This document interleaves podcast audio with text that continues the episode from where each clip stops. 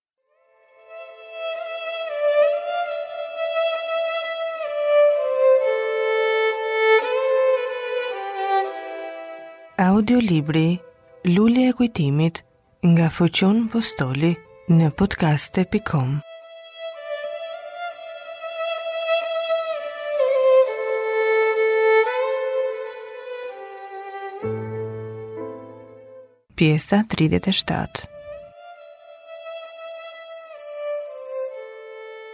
Dhimitri bir, urdhëro, fol, zoti Kristo.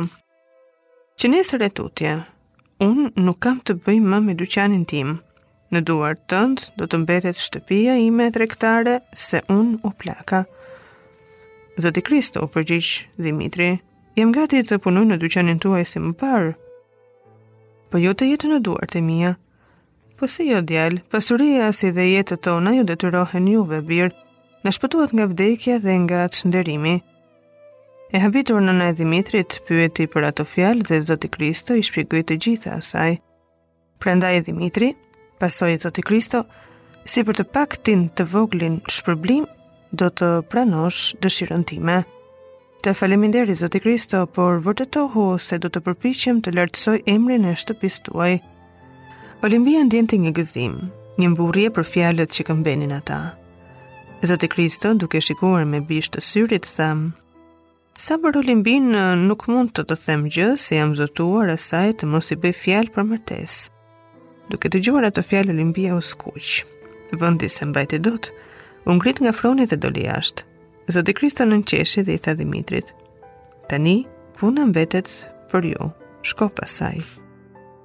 Pa përgjigjur, Dhimitri doli jashtë, i vajti Olimbisë e cila ndodhej në kopshtin e luleve dhe qëndronte pranë një garbeje me lule. Ajo ishte lulja e kujtimit. Ajo lule që kish kaq bukuri dhe ish aq e dashur për ta. Kur ajo dëgjoi çapet e Dhimitrit ktheu kokën, Dhimitri me zë të ëmbël e pyeti. E keni dhe lulen e mëmës sime? Po si jo, kjo më kujton ty, dhe kjo lule më solli ndër mend, kur isha e marrë. Olimbi, shiko drejt, tha Dhimitri. Ajo pa folur i hodhi sytë në të tijat. Me të vërtetë keni shtrënguar atin tuaj të zotohet që të mos ju bëjë fjalë për martesë? Po, me të vërtetë, se atëherë kur kërkova atë zotim, ai që desha unë dhe zemra ime, e dija që nuk rronte më në botë. Po tani, tani ndryshon. Këputi një gonxhe nga lulja dhe vuri atë me duart e saj në vërën e kopsës së paltos së Dhimitrit. Ai nënqeshi, rrëmbeu duart e saj, nguli mbi ato buzët dhe i mbuloi me të puthura të zjarrta. Ajo çliroi duart nga ai dhe i hodhi rreth qafës së tij. Olimbi, klithi Dimitri, më në fund perëndia dëgjoi lutjet tona dhe mbaroi dëshirat tona. Ajo nuk foli, shtriu kokën e saj në gjoksin e tij, ai përkëdheli leshrat e saj dhe buzët e të dy të rinjve, për të parën herë, pas kaqë dashurie, u bashkuan me njëra-tjetrën. Që brënda nga dritarja e shtëpisë po e shikonte zoti Kristo, mëma e Dimitrit dhe Sadna, nënqeshën, dhe shtrënguan duart duke thënë, na u trashëgofshin.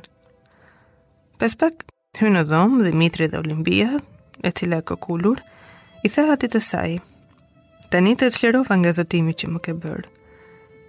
Pas tri javësh, një të diel, kur dielli qëndronte në portën e perëndimit, këmbanat e kishës së Shën Gjergjit në Korçë po tingëllonin me tingëllim gazmor, në të dy anët e rrugës së gjërë të Shën Gjergjit, mizëri njerëzish po qëndronin të radhitur duke pritur.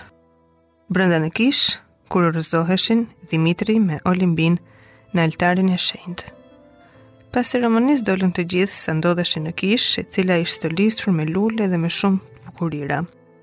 Jashtë kishës, sazet po loznin drurët e tyre.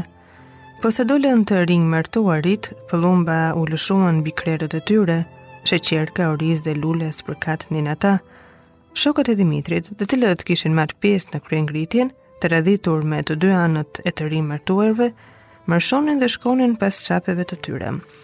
Por edhe dielli desh të përgëzonte ata, qëndroi mbi malet e Porodinës dhe s'desh të hynte në portën e Perëndimit pa përgëzuar ata. Kur ata dolën nga kisha, dërgoi shkëndijat e tij të zjarrta mbi krerët e tyre, si shenjë përgëzimi dhe urimi. Në rrugën e gjerë, gjindja po priste me kënaqësi të shikonte paradën e martesës dhe të gjithë thonin, u trashëgofshin se janë lindur për njëri tjetrin.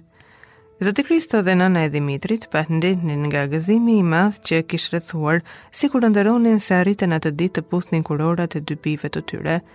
Po edhe një fytyrë mburrej dhe lëshonte lot gëzimi për martesën e Dimitrit dhe Olimbisë.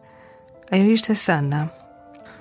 Nuk guxonte kush atë ditë t'i fliste asaj se gëzimi nuk e linte atë të fjalosej. Kur arritën në shtëpinë e Zotit Kristo, dielli kishte perënduar dhe errësira zuri të rrethonte Korçën, po qielli ishte i kthjellët dhe përnjëherësh te malet e Mborjes doli mbretëresha e natës dhe dërgoi dritën e saj të venitur mbi Korçë. Tryezat e darkës për dasmorët ishin shtruar në kopësht ngaqë ishin shumë dasmorë dhe nuk i nxinte shtëpia brenda. Fenerat të vendosur rreth kopshtit, si dhe drita e hënës jepnin një dritë fantastike. Era e lindjes si dhe erat e luleve dëfrenin dasmorët të cilët shtruan nëpër fronat rreth tryezave, u darkosën dhe po dëfrenin. Kur Dimitri me Olimpinë pas zakonit dolën që të falënderonin dasmorët për nderin që u bënë me ardhin e tyre, posa dolën ata nga shtëpia, kumbara u ngrit nga froni dhe me një kupë verë në dorë ngriti dollinë për të martuarit duke thirrur. Këtë kupë e ngrem për shëndetin e tyre dhe trashëgimin e tyre. Tërë dasmorët u ngritën në këmbë dhe i zbrazën kupat me verë duke thirrur. U trashëgofshin.